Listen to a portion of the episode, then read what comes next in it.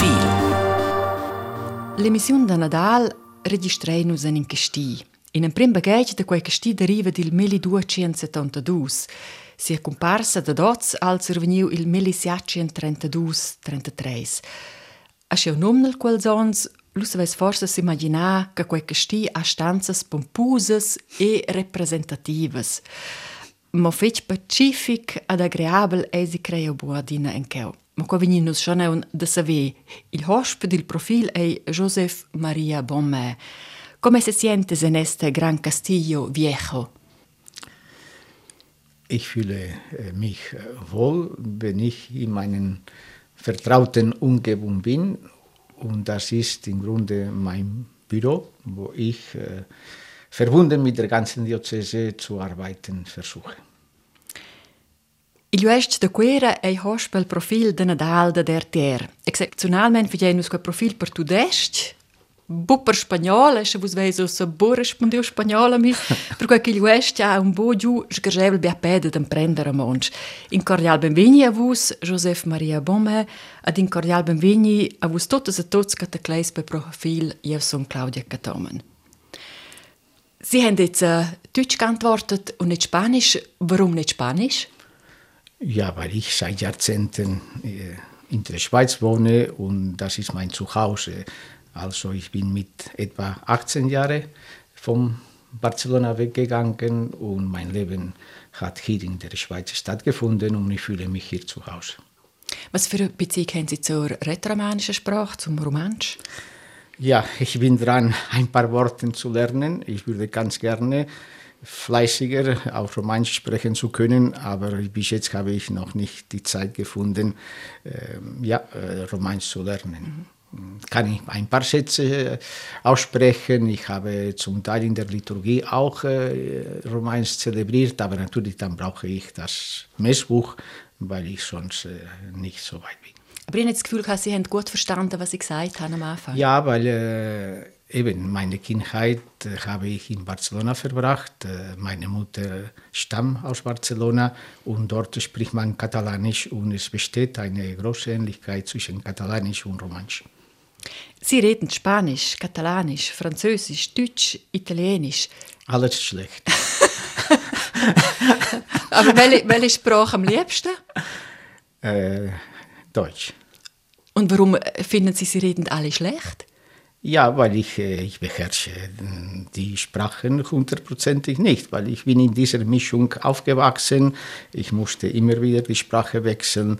Ich kann vielleicht äh, etwas erzählen. Als ich fast mit dem, mit, der Medizin, mit dem Medizinstudium fertig war, ähm, natürlich hatte ich vor, später als Arzt eine Praxis zu eröffnen. Und damals äh, die Gesetze sahen es vor, dass um eine Privatpraxis zu eröffnen, musste man Schweizer sein, das Schweizer Staatsexamen äh, bestanden zu haben und die Schweizer Matura haben. Und ich war Schweizer, war ich dran, das Staatsexamen äh, äh, zu bestehen, aber ich hatte keine Schweizer Matura, weil ich die Matura noch in Barcelona gemacht habe.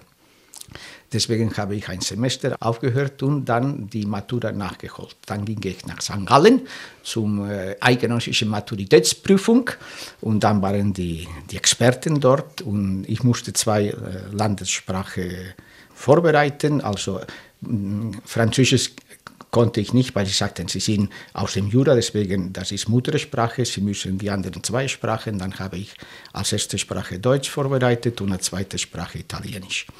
Dann kam die Prüfung, die Experten haben mir, ich musste einen Aussatz auf Italienisch schreiben und dann ein Gespräch führen. Und nach der Prüfung sagten sie mir, aber dürfen wir fragen, wo haben Sie Italienisch gelernt?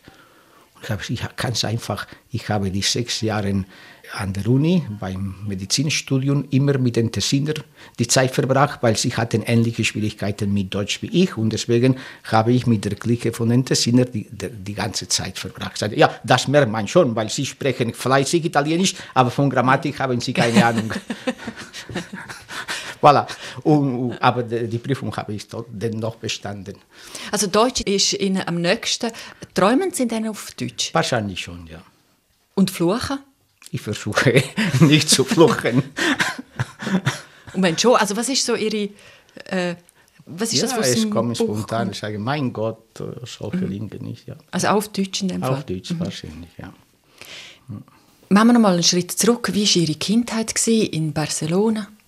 Normal. Meine, ich bin als Einzelkind äh, aufgewachsen. Ich hatte immer mir gewünscht, einen, einen Bruder, eine Schwester zu haben, aber mein Vater hat erst später geheiratet, also mit 50. Deswegen war irgendwie logisch, dass ich keine Geschwister äh, gehabt habe.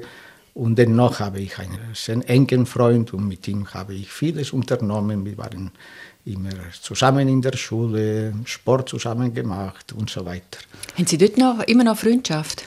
Ja, aber äh, auf Distanz natürlich. Weil ich habe letztes Jahr war ich ein paar Tage in Barcelona und dann habe ich ihn besucht. Sie sind oft in Zürich, leben dort immer noch in einer WG.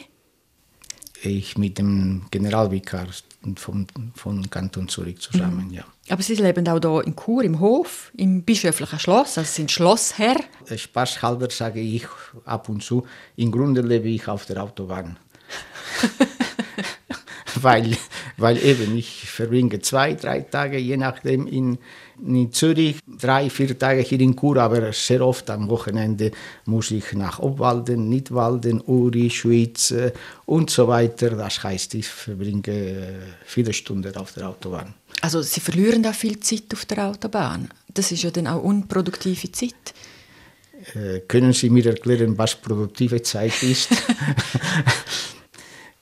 Auch äh, wenn man unterwegs ist, kann man beten, kann man äh, sich Gedanken machen, um, um, um Themen vorzubereiten, äh, Fragen studieren, also und an die Menschen denken, die mir Anliegen anvertraut haben, Sorgen, Freuden, Probleme und dann kann ich auch mit, äh, und dafür beten. Also was ist Produktivität? Also können Sie die Zeit auch nutzen.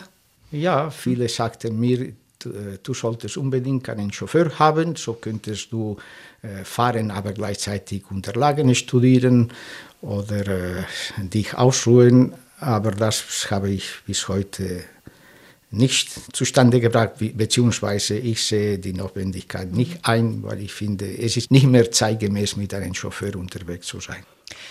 Wo fühlen Sie sich aber daheim? In der Kapelle vor dem Tabernakel.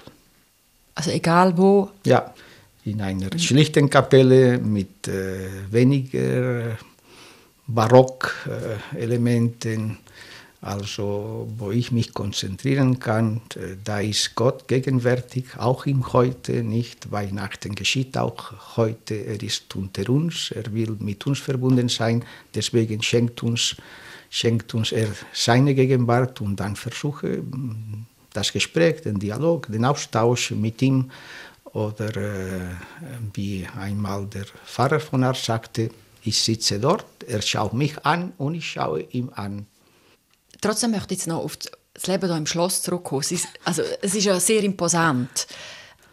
Und sehr wenige Menschen haben Zutritt zu so einem Schloss. Fühlen Sie sich ab und zu als Schlossherr? Absolut nicht. ich finde eben äh, das Ganze ziemlich überflüssig für mich. Ich habe schon vorher erwähnt, ich fühle mich wohl in meinem Büro, weil da arbeite ich für die Menschen. Und äh, das ist äh, ja, mein Posten als Dienstanlage sozusagen. Sonst alle anderen Räumlichkeiten des Schlosses, gut, ich habe vorher die Kapelle erwähnt, dort fühle ich mich wohl, obwohl ziemlich barockartig ist die Kapelle, aber da kann ich auch ab, davon absehen und mich auf das Wesentliche konzentrieren. Gut, ich habe dann mein, mein Schlafzimmer, aber da bin ich ein paar Stunden in der Nacht und nicht mehr. Voilà, und meine, meine Absicht oder mein Anliegen, und wir sind dran, das zu verwirklichen, ist, alle diese Prunkräumlichkeiten des Schlosses, angefangen vom Rittersaal, äh, äh, so zu gestalten, dass, es, dass sie öffentlich werden, also dass wir das Ganze der Öffentlichkeit zur Verfügung stellen können für Kongresse, Symposien, Tagungen, Kon Konzerte und so weiter. Also, dass Also- mehr Leben ins Schloss kommt. nicht nur mehr leben, sondern dass äh, alle Menschen in Chur und in Kanton Graubünden und überhaupt merken, dieses Haus steht uns äh, zur Verfügung. weil das ist ein Kulturgut und es ist gut, dass wir dieses Kulturgut pflegen, aber nicht für mich, sondern für die Menschen. Wann ist es soweit? Was muss noch gemacht werden, dass es so ja, ist? Ähm, bis, bis Herbst sollte der Ritterschein fertig sein mit eigenen Zugängen, Lifte, äh, behindert WCs und so weiter. Und, äh, und nach und nach werden wir die anderen Räumlichkeiten restaurieren und auch öffentlich äh, zugänglich machen. Und Sie behalten aber Ihr Büro? Hoffentlich. Wie ist es am Abend jetzt da, wenn alle Mitarbeiter gegangen sind, dann sind Sie mehr oder weniger allein? Ziemlich allein, ja. Aber eben, wie, ist, wie ist das, wenn man so in einem großen Haus ganz allein ist? Ich kann, ich kann das äh, beiseite lassen. Also ich mache mir keine Gedanken. Ich bleibe hier im Büro meistens bis 10 Uhr abends und dann gehe ich ins Bett und, und der Tag ist vorbei. Also, aber ähm, ich habe es vorher erwähnt, nicht äh, allein fühlt man sich nicht unbedingt, wenn man weiß, äh, Gott ist auch heute für uns da und viele Generationen von, von Menschen, Frauen und Männern, die äh, die Nachfolge Christi gewagt haben, begleitet uns auch nicht. Äh, sie sind nicht weg, sie sind da auch mit uns verbunden, Himmel und Erde und sind die Engel auch dabei und die, mein Schutzengel also ich fühle mich im Grunde gut begleitet. Und gut begleitet sind Sie auch durch viele Frauen, die Sie angestellt haben, die jetzt hier neu arbeiten. Ähm, Angestellt sind, äh, sind meine Mitarbeiterinnen, ja, Mitarbeiterinnen und Mitarbeiter. Vielleicht kann ich das sagen, nicht. Äh, ich würde überhaupt nicht zustande äh, bringen, wenn ich allein es schaffen sollte. Aber wieso so viele Frauen? Ja, also das, ist ja, das ist ja ein, ein, ein, Wechsel. Also bis jetzt sind Männer da und haben äh, für den Bischof geschafft und jetzt sind da vor allem auch ein Haufen Frauen. Ja, und wir haben dadurch vielleicht äh, 50 Prozent von, von Sensibilität, Fähigkeiten äh, verpasst, nicht? Mhm. Weil äh, hm, die Menschheit besteht mindestens 50 Prozent aus Frauen nicht und sie bringen einen eigenen spezifischen Beitrag und ich möchte nicht darauf verzichten. Aber es, im Grunde es geht nicht um Frauen und Männer, sondern um die Bereitschaft, dieses Abenteuer des Glaubens mit mir zu wagen. Die Bereitschaft, der Welt zu erklären, dass wir zuversichtlich bleiben dürfen, weil Gott eben Gott mit uns ist, der, der für immer Mensch geworden ist für uns. Und, und diese Botschaft und es geht nicht um Strukturen, Organisation. Natürlich müssen wir uns organisieren, Strukturen, Gremien, Sitzungen, Tagungen äh, zustande bringen, Räte äh, einberufen. Aber dennoch, es geht um unterwegs zu sein für die Menschen. Nicht? Wie Jesus, Jesus, äh, wenn Sie das Evangelium lesen, er war immer unterwegs für die Menschen da. Und in diesem Sinn sollten wir eine sehr dynamische Bistumsleitung sein. Aber wie gesagt, ich bin äußerst dankbar, dass äh, der Bischofsrat, also alle meine unmittelbaren Mitarbeitende und Mitwirkende, äh, angefangen von den drei Generalvikaren, diese sind Männer, aber auch äh, ähm, meine Assistentin, die Verantwortliche für die Kommunikation, die Kanzlerin und so weiter, nicht die die Zuständige für Personal im, im Bündnerland, die Florina Caveng, also dass diese äh, Menschen einen äußerst wertvollen Beitrag leisten und sind sie meine Stütze und ich bin stolz auf sie, weil ohne sie könnte ich nichts zustande bringen. Wie fest beeinflussen die Frauen ihren Alltag? Also wie sie, bestimmen, sie bestimmen praktisch meinen, nicht nur meinen Alltag, sondern meine, meine Entscheidungen, meine Antworten. Also sie machen es sehr geschickt, so feminin, mhm. aber sie könnten schon sehr bestimmen, sagen, was ich darf und was ich nicht darf, wo ich Dummheiten sage und wie ich mich äh, verändern muss. Aber Sie lernen das auch Oder, zu? Ja, warum nicht? Oder äh, ganz, äh, ganz sympathisch sagt äh, mir, äh, meine Kommunikationsfrau nicht, äh, ja, diese Jacke solltest du aufrangieren, wir organisieren eine neue Jacke und so weiter. Also bekomme allerlei Tipps. Oder meine Assistentin versucht mit, mit dem Kalender mir beizubringen, du, du setzt so viel Zeit ein für Gespräche mit einzelnen Menschen, du musst Prioritäten setzen. Okay, okay, okay, werde es versuchen, aber... Haben Sie sich das einmal vorstellen wo Sie Priester geworden sind, dass Sie mal mit so vielen Frauen zu tun haben? Ah, mit so vielen Frauen schon, ich habe immer Frauen Aber wo Sie gehabt. so bestimmend quasi? Und, meine, und Sie sind trotzdem, Sie sind eigentlich der Chef, oder? Nein, ich bin der, äh, ein Werkzeug für alle. Das möchte ich sein, ein Werkzeug mhm. für alle sein, ein Werkzeug für das Gute. Wenn man wenn dann denkt, dass ein Bischof ein Chef ist. Äh, Jetzt für Ihre Mitarbeiterinnen vielleicht schon. Also Sie sind. Wie gesagt, wir sind. Äh, Sie sind der Arbeitgeber. In, ja, ja, aber äh, wir sind alle äh, in der Nachfolge Christi bereit, dieses Abenteuer des Glaubens zu wagen. Und eben, äh, wie der Papst in den letzten Jahren immer wieder betont hat, wir brauchen eine, eine neue Art Kirche, also eine synodale Kirche. Das heißt, wir verstehen, dass wir alle unterwegs sind als Geschwister. Ne?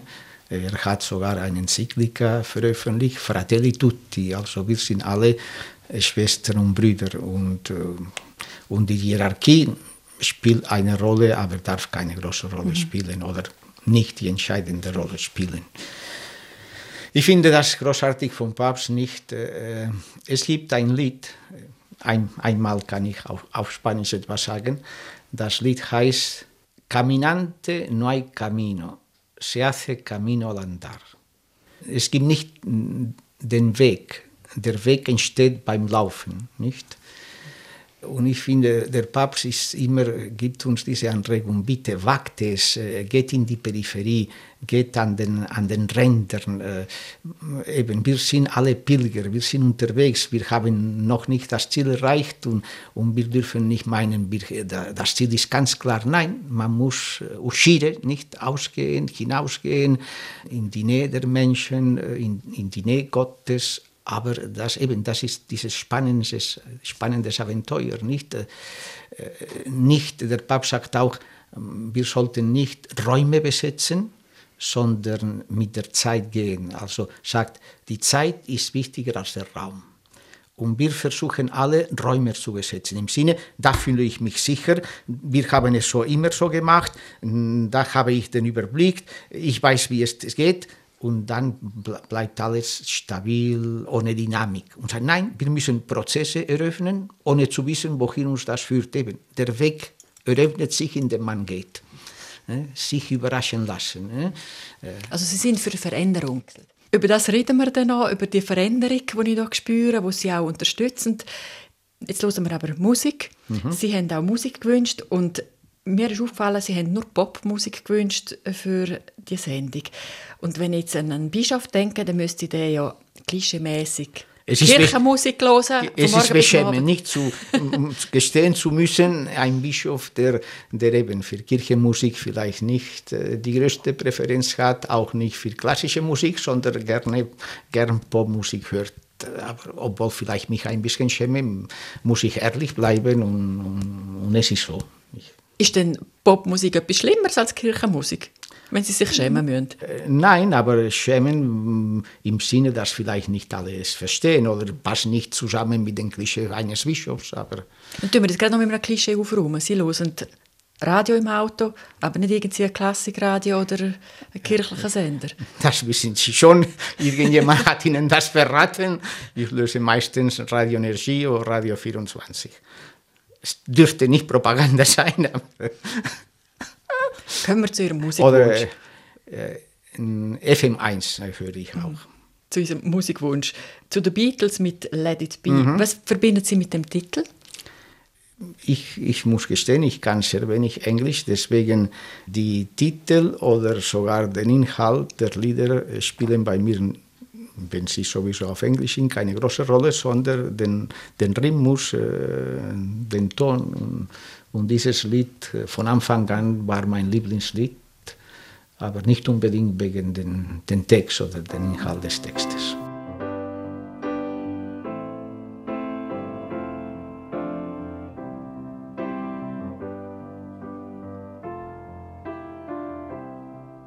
When I find myself in times of trouble, Mother Mary comes to me, speaking words of wisdom, let it be.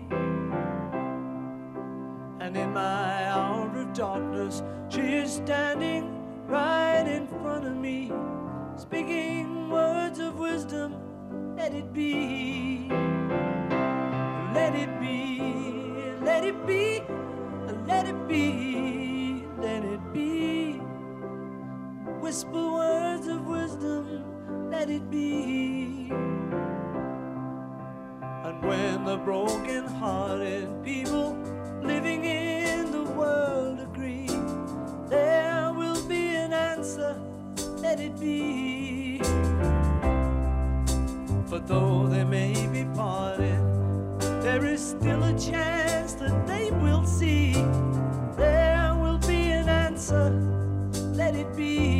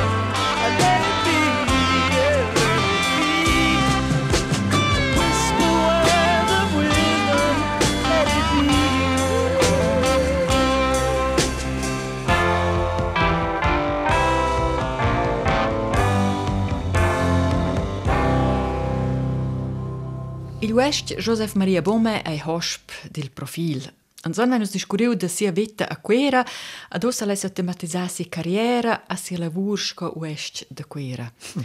Herr Bomme, ursprünglich haben Sie Medizin studiert, nachher Philosophie und Theologie.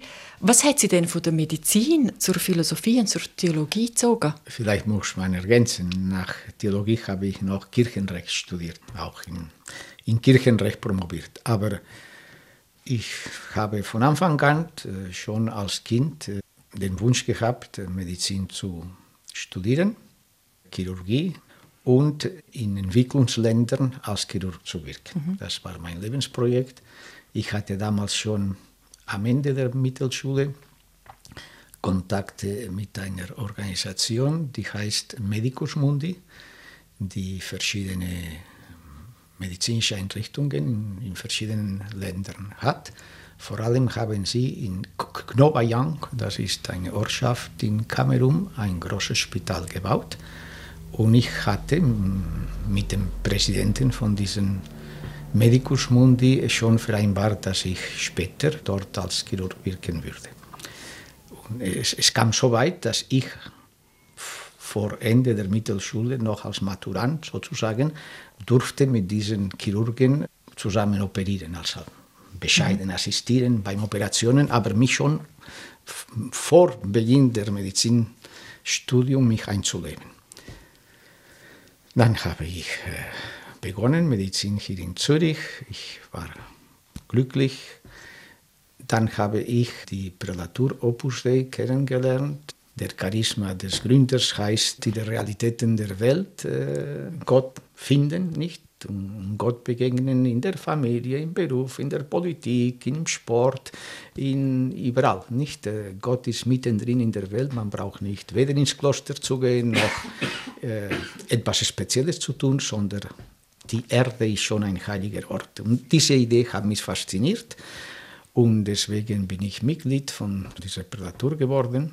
Und als ich im Unispital in Zürich schon als Arzt arbeitete, kam einmal der damals noch äh, lebende Gründer, Skriba, äh, nach Zürich und fragte mich, du, Josef, könntest du dir vorstellen, im Spital zu kündigen und zu mir nach Rom zu kommen und Theologie zu studieren? Ich war überrascht, aber ich sagte, ja, warum nicht, wenn ich so nützlich sein kann? Und äh, so habe ich tatsächlich äh, gekündigt im Spital. Mein Chef dachte, du spinnst total. Wahrscheinlich das stimmt. und das mache ich heute noch. Und, äh, Aber Sie hätten ja auch zum Opus Dei können gehen und in der Medizin bleiben. Ja, ja, sicher. Mhm. Aber äh, einige von den Mitgliedern eben werden sehr intensiv äh, in Philosophie, Theologie ausgebildet und äh, für die Bildung der anderen Mitglieder zur Verfügung zu stehen und auch äh, eventuell später auch als Priester zu wirken. Nicht? Und eben für mich war eine pragmatische Entscheidung, wenn der äh, Also auch, auch, spontan, also ist das auch spontan entscheidend? Oh ja, das ist genau das Richtige? Oder ja, ich habe so? mich auch nicht so lange überlegt. Also gut, wenn er das meint und es kann eine gute auch Art, äh, nützlich zu sein, warum nicht? Und haben Sie es jemals bereut, dass Sie Medizin nein, verloren habe, Nein, ich habe heute noch Medizin sehr gerne. Nicht zuletzt deswegen habe ich 36 Jahre in Zürich als Spitalseelsorgende gewirkt, weil ich im Spital fühle ich mich wirklich zu Hause und das ist mein Ambiente nicht. Aber äh, als Priester habe ich auch äh, mein Leben als sehr erfüllt äh, betrachtet. Aber eben das Letzte, das ich äh, mich äh, vorstellen konnte, ist einmal Bischof zu werden. Das war nicht programmiert, nein. da können wir noch reden. Ich will nur ganz kurz auch noch Ihre Karriere in der katholischen Kirche. Okay. Ich noch mal ein paar Sachen erwähnen. Ich weiß nicht, ob es komplett ist. Sie sind Diözesanrichter Sie sind bei der WHO, bei der Weltgesundheitsorganisation, der Delegierte vom Heiligen Stuhl. Offizial für die Diözese Chur, Kanoniker vom Churer Domkapitel, Mitglied vom Bischöflichen Rat und Kaplan vom Papst und jetzt eben Bischof. Was ist so das Beste gewesen? Das Beste ist immer äh, die Stunden, die Momente, dass wir, dass ich äh, in der Selbstsorge zusammen mit einem Menschen die Wege dieses Menschen mittragen konnte. Also, also auch, ich, auch, die Arbeit im Spital in dem Sinne? Die, die unzähligen Begegnungen mit Menschen im Spital, die Begleitung von den Leidenden, von den Patientinnen und Patienten, Betagten, Demenzpatienten, den Kontakt und sogar die Freundschaft mit vielen von den Mitarbeitenden im Spital, das hat mich sehr oft Kostbares äh, gegeben.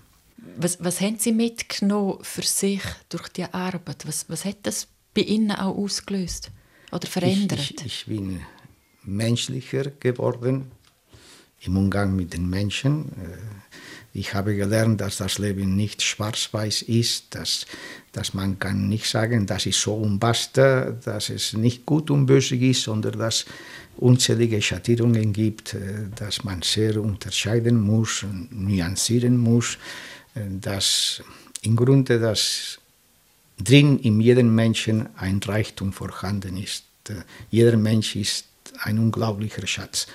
Aber man muss vielleicht ein bisschen herauskratzen, äh, in die Tiefe gehen, um diesen verborgenen Schatz zu finden. aber man kann von jedem Menschen lernen. Jeder Mensch ist eine Aussage Gottes. Ähm, Gott spricht uns sehr oft durch die Menschen, durch die Mitmenschen und man muss gut zuhören. Sind Sie auch offener geworden? Auch in, in Ihrer Einstellung überhaupt bestimmt, zu den Menschen? Ja, bestimmt, mhm. ja. Offener und äh, nochmals, nicht diese Bereitschaft, äh, auf den Weg zu gehen, nicht mit fertigen Antworten da zu sein, sondern sich überraschen zu lassen von dem, was durch das Leben Gott uns sagen möchte. Und jetzt sind Sie aber Bischof. Seit kurzem, ja. wie, wie gerne haben Sie das Amt übernommen? Überhaupt nicht gerne, aber äh, auch mit dieser Bereitschaft gut, äh, wenn ich so einen Dienst leisten kann, sage ich dem Papst zu und werden wir sehen. Und da ist jetzt seit anderthalb Jahren Tag für Tag so gegangen, nicht? Es, es ist nicht so ein, immer einfach, aber äh, wieso sollte es einfach sein, nicht? Jetzt sind Sie in einem Fahrwasser drin. Es gibt hier die Progressiven, die ihnen, dann gibt es die Konservativen, aber die alle sind Züchen gut. an ihnen. Alle sind Kinder Gottes. aber alle wollen etwas anderes. Wie, wie, wie, gehen Sie mit dem um? Dass da Meinen Sie, dass alle etwas anderes äh, Ja, oder möchten? andere Vorstellungen? Das ist schon etwas anderes, mhm. nicht? Aber dass es viele Vorstellungen gibt, das ist auch gut. Es ist die Vielfalt, es ist die katholische Kirche. Äh, eben, katholisch heißt allumfassend. Es gibt Platz für alle, für alle Denkweisen, für alle Überzeugungen. Nur, wir sollten alle äh, doch entdecken, Schließlich verfolgen wir das, dasselbe Ziel. Erstens, wir betrachten Jesus Christus als, die, als der, den Mittelpunkt des Universums. Er ist unser Erlöser. Zweitens, er hat uns beigebracht, dass wir alle äh, Geschwister sind, dass, dass Gott die Liebe ist und deswegen sind wir für die Liebe berufen und zur Liebe berufen. Das kann man eben in verschiedenen... Aber trotzdem in der katholischen Kirche sind ja die Frauen wie, die dürfen nicht mitreden. Oder nicht so wie die Männer. Eben, Oder auch, auch nicht so mitmachen. Also bei ihnen vielleicht jetzt schon. Aber äh, trotzdem, es gibt ja die Erwartung, dass auch Frauen dürfen eigentlich alles machen, was die Männer auch dürfen. Auch Priester Aufgaben übernehmen. Verste verstehen Sie ja, die, die Tendenzen doch, doch. und die Wünsche? Und Natürlich verstehe ich sie und äh, versuche ich auch diese Wünsche zu unterstützen. Wissen Sie, der Papst hat in einer Zeitung in Spanien, ABC, ein langes Interview gegeben. Das war, glaube ich, am letzten Sonntag. Und dort hat er unter anderem äh, erzählt, dass äh, es gibt in, im Vatikan gibt die sogenannten Dikasterien, sind wir die Ministerien vom Vatikan nicht.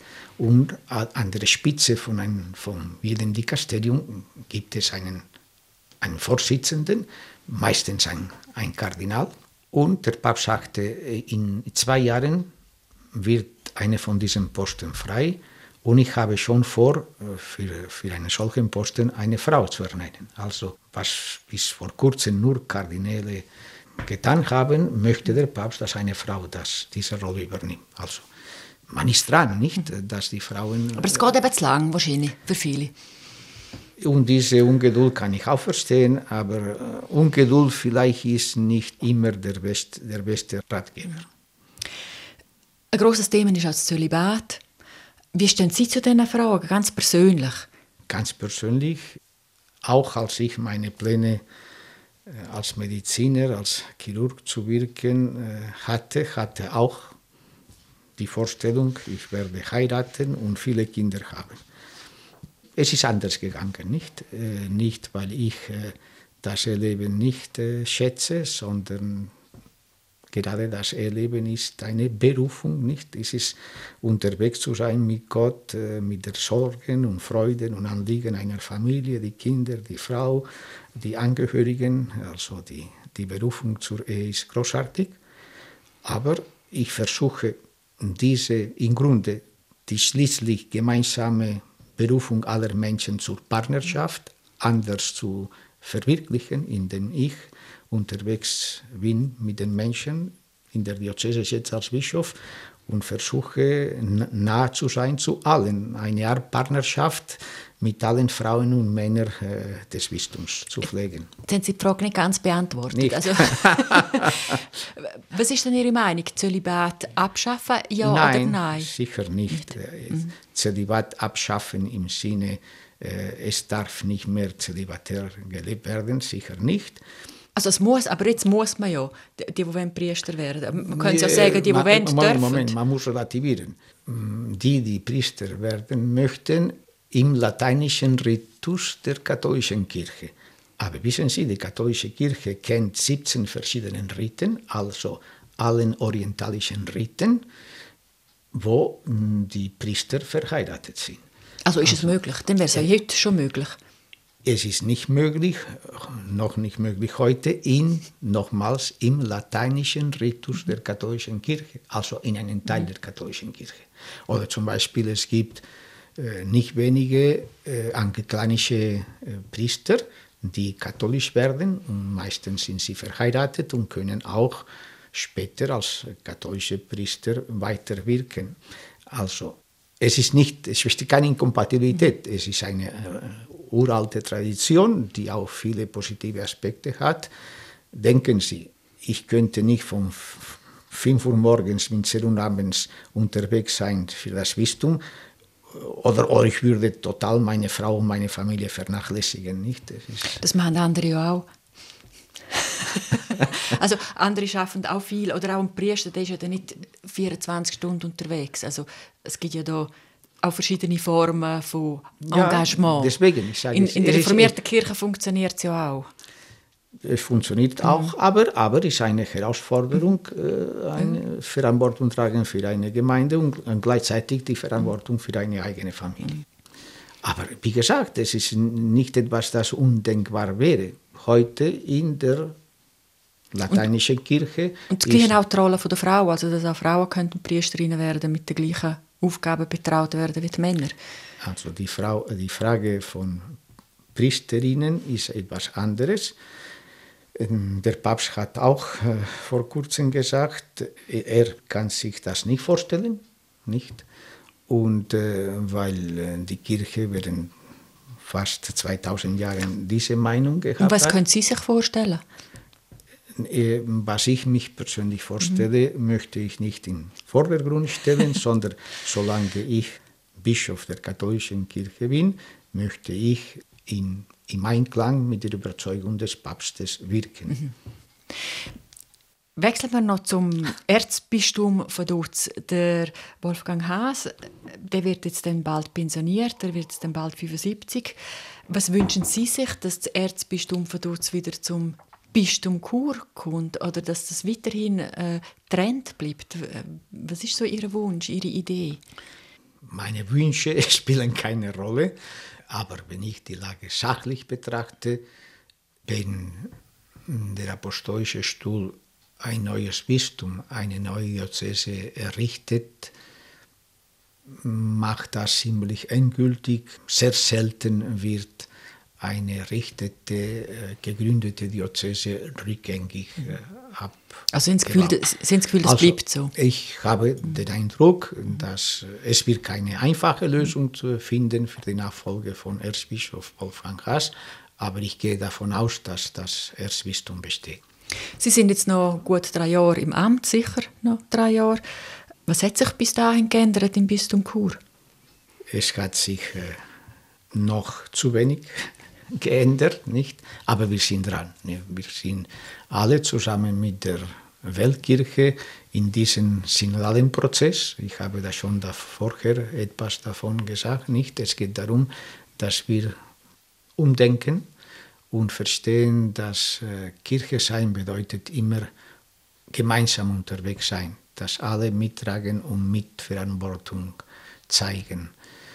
Zum Beispiel, wie Sie wissen, es fehlen die Seelsorgende, äh, die Leute sind mobiler geworden, einige haben kein großes Interesse an Glauben, also man muss eine neue Art, eine dynamischere Art der Seelsorge, der Pastoral wahrnehmen.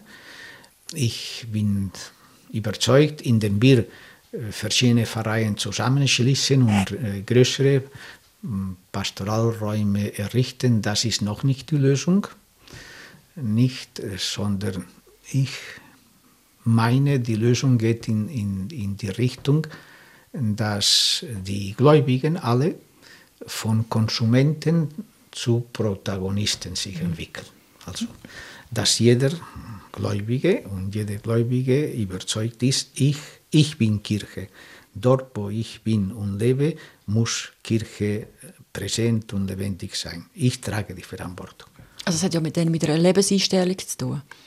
Bestimmt, äh, mit der Lebens- und Glaubenseinstellung. Mhm. Dieses, so hat das Christentum begonnen. Nicht? Es waren ein paar Menschen, die sozial oder politisch mäßig einen großen Einfluss hatten und dennoch haben sie die Welt verändert weil sie äh, nicht nur am Wochenende, wenn sie in den Gottesdienst gingen, sondern tagtäglich und dort, wo sie lebten und wirkten, überzeugt waren, äh, Christus ist die Mitte unseres Lebens. Haben wir wieder Musik. das ist gut. Sie haben auch noch italienische Musik gewünscht, mhm. Tiziano Ferro, der Titel Perdono. Italienische Musik, auch weil Sie zu Rom waren, oder was verbindet Sie mit dieser Musik? Natürlich, ich bin in, in Rom äh, gewesen und ich habe die italienische Kultur äh, lernen und schätzen gelernt. Vor allem mehr als die Kultur, die, äh, den Charakter, diese, die Flexibilität der Italiener ist etwas, das ich äh, sehr bewundere, nicht? Äh, sie können irgendwie mit viel Flair Gegensätze zusammenbringen, nicht? Sie können gleichzeitig sein. Das Gesetz sagt das und man sollte es einhalten und gleichzeitig äh, das, was Sie meinen, es muss so eingehalten werden, äh, äh, übertreten. Problemlos bringen Sie diese, alles zusammen. Die, alles zusammen, nicht? Und das finde ich als eine große, natürlich ist eine gefährliche, aber eine, eine große äh, Fähigkeit, nicht, nicht zu stur sein. Kommen wir zurück auf die spanische Art, nicht?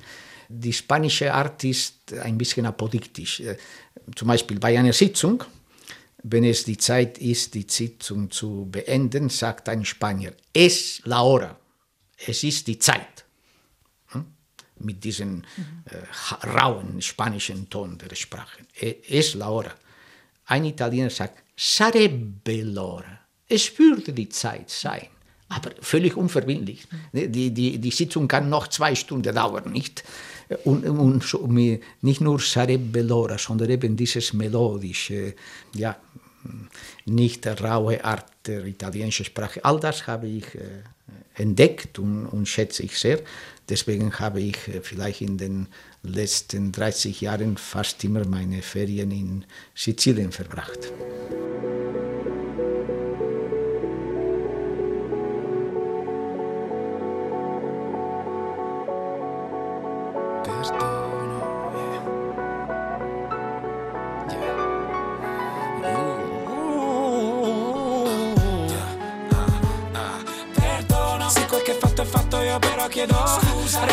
Sorriso io ti porgo una rosa. Su questa amicizia nuova pace sì rosa. Perché so come sono infatti chiedo perdono. Se quel che fatto è fatto io però chiedo scusa. Regalami un sorriso io ti porgo una rosa. Su questa amicizia nuova pace sì rosa. Perdono Con questa gioia che mi stringe il cuore a 4-5 giorni da Natale, un misto tra incanto e dolore. Ripenso a quando ho fatto io del male e di persone ce ne sono tante. Buoni pretesti, sempre troppo pochi. Tra desideri, labirinti e fuochi. Comincio un nuovo anno io chiedendoti perdono. Se quel che fatto è fatto io però chiedo scusa. Regalami un sorriso, io ti porgo una rosa. Su questa amicizia nuova pace sì. Rosa. Perché so come sono, infatti chiedo perdono. Se quel che fatto è fatto io però chiedo. Regalami un sorriso, io ti porgo una rosa. Su questa amicizia nuova pace sì. Perdono.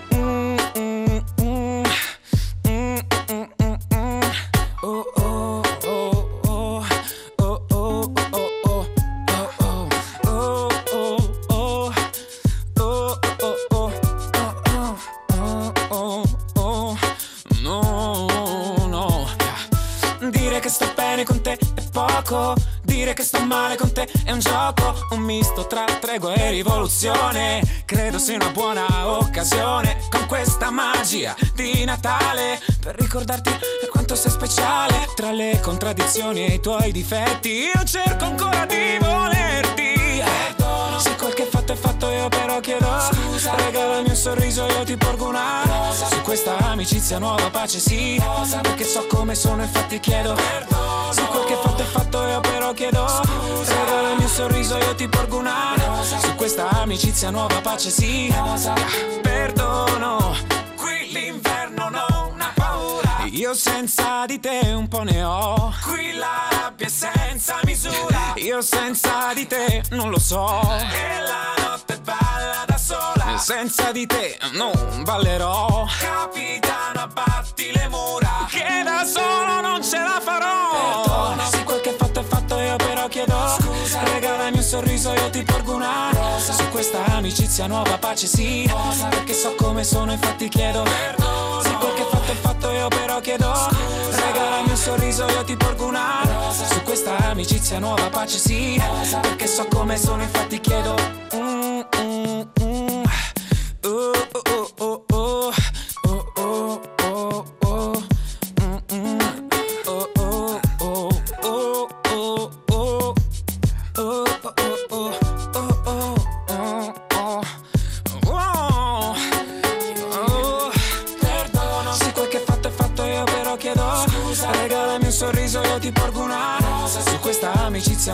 pace sì Perché so come sono infatti chiedo Perdono Se quel che fatto è fatto io però chiedo.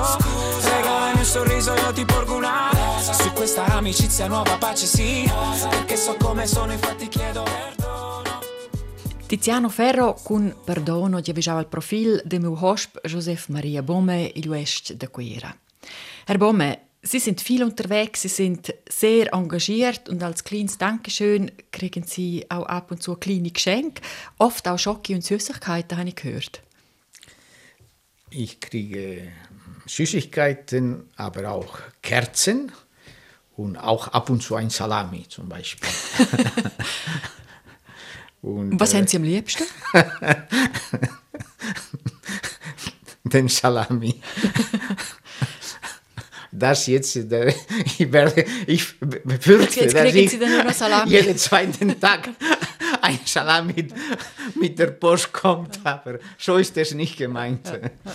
Nein, wissen Sie, eben, ich freue mich so sehr, unterwegs zu sein für dieses Abenteuer des Glaubens, dass ich äh, kaum Zeit habe, weder eine Kerze anzuzünden, noch einen Salami zu essen, noch äh, irgendetwas zu tun. Also ich brauche sehr wenig, weil, äh, weil ich keine Zeit habe, Dinge zu, zu Wenn- kaufen, zu genießen. Sie, so, Und das ist auch gut so. wenn Sie so viel unterwegs sind, heißt es, Sie essen auch viel äh, Sandwich, die Sie irgend so einer Tankstelle kaufen. Wie sieht das aus bei Ihnen? Nicht einmal ein Sandwich, also ein, ein Joghurt oder ein Pomelo oder irgendetwas so Kleines.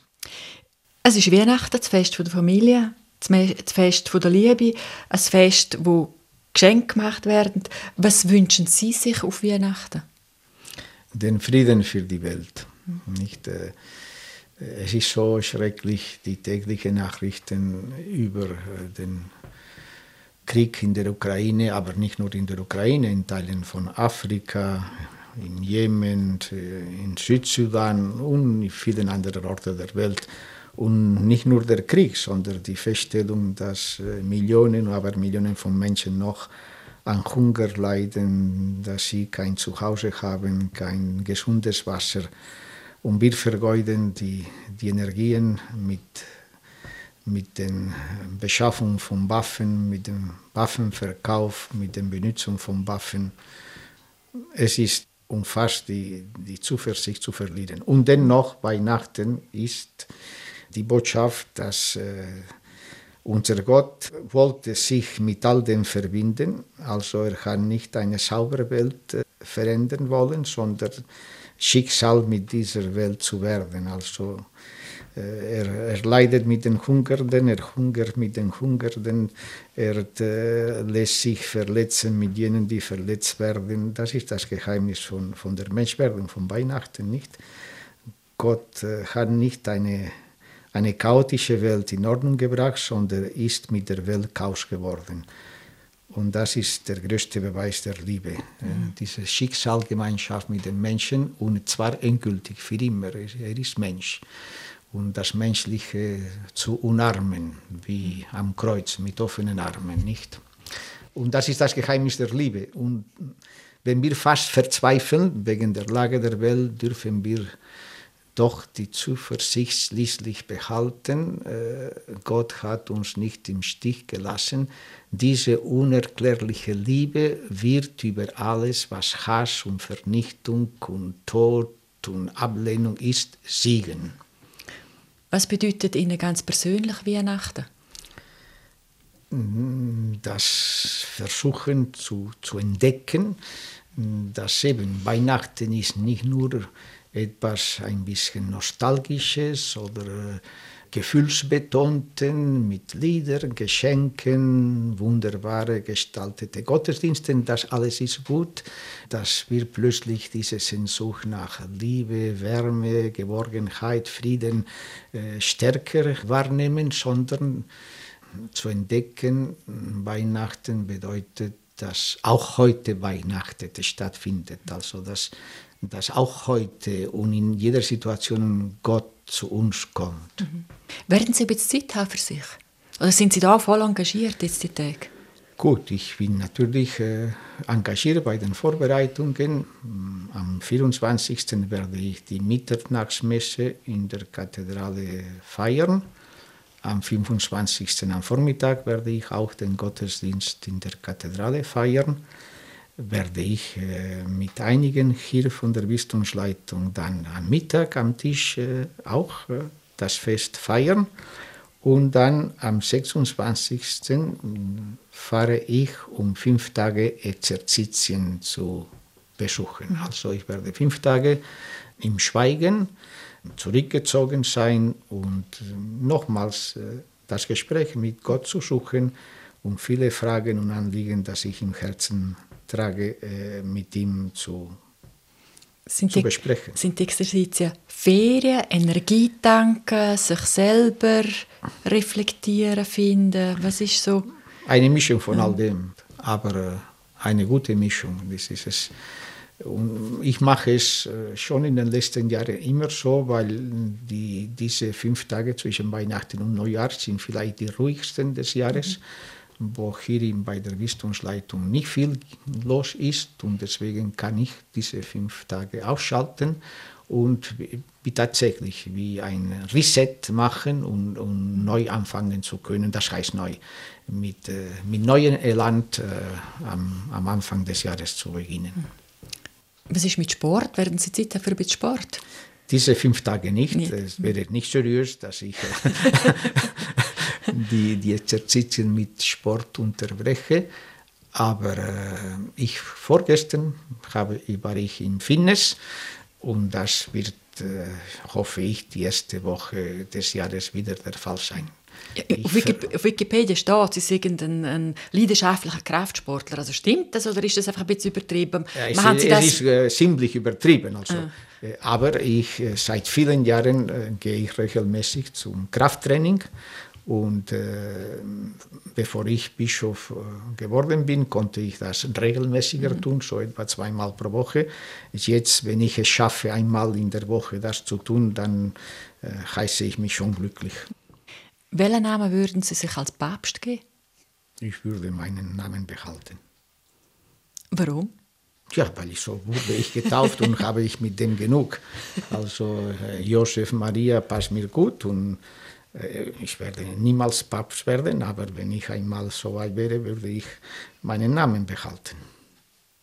Aber wäre das das Amt, wo Sie reizen Aber kaum nicht. Nein, es ist fast unmenschlich, was der Papst zu leisten hat. Vus avete il profil con Joseph Maria Bome che da pi il mars 2025 uest da quera. Nus vendi scriu da ses giavis, da siemis, da sies regis, da sia vetta e la quarta quera e da sia carriera. Un grazie al fetch per quel discurs, alla peda che vus espriu curta va Nadal, meu nome è Claudia Catomen, Quel Profil am Fleiss e el reit con in Klicks in rtr.ch. Und jetzt noch zum letzten Musikwunsch.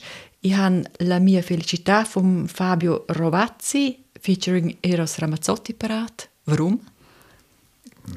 La mia felicità è la tua felicità è la nostra felicità.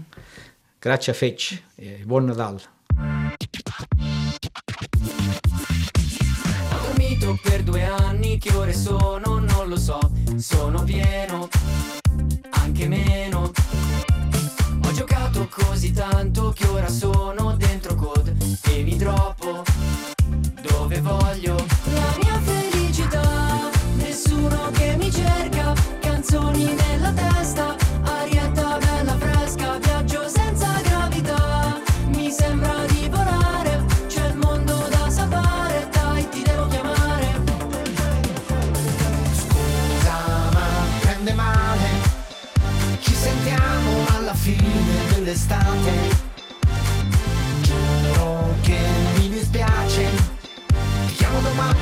voglio bene Salutami tu Vabbè felicità.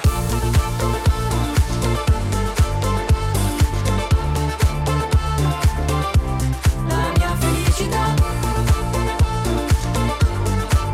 Voglio perdermi e poi si vedrà. La mia felicità. Amo fare tardi, amo lavorare. Non posso lamentarmi in generale. Ora sono al centro della capitale, del mio stato preferito, stop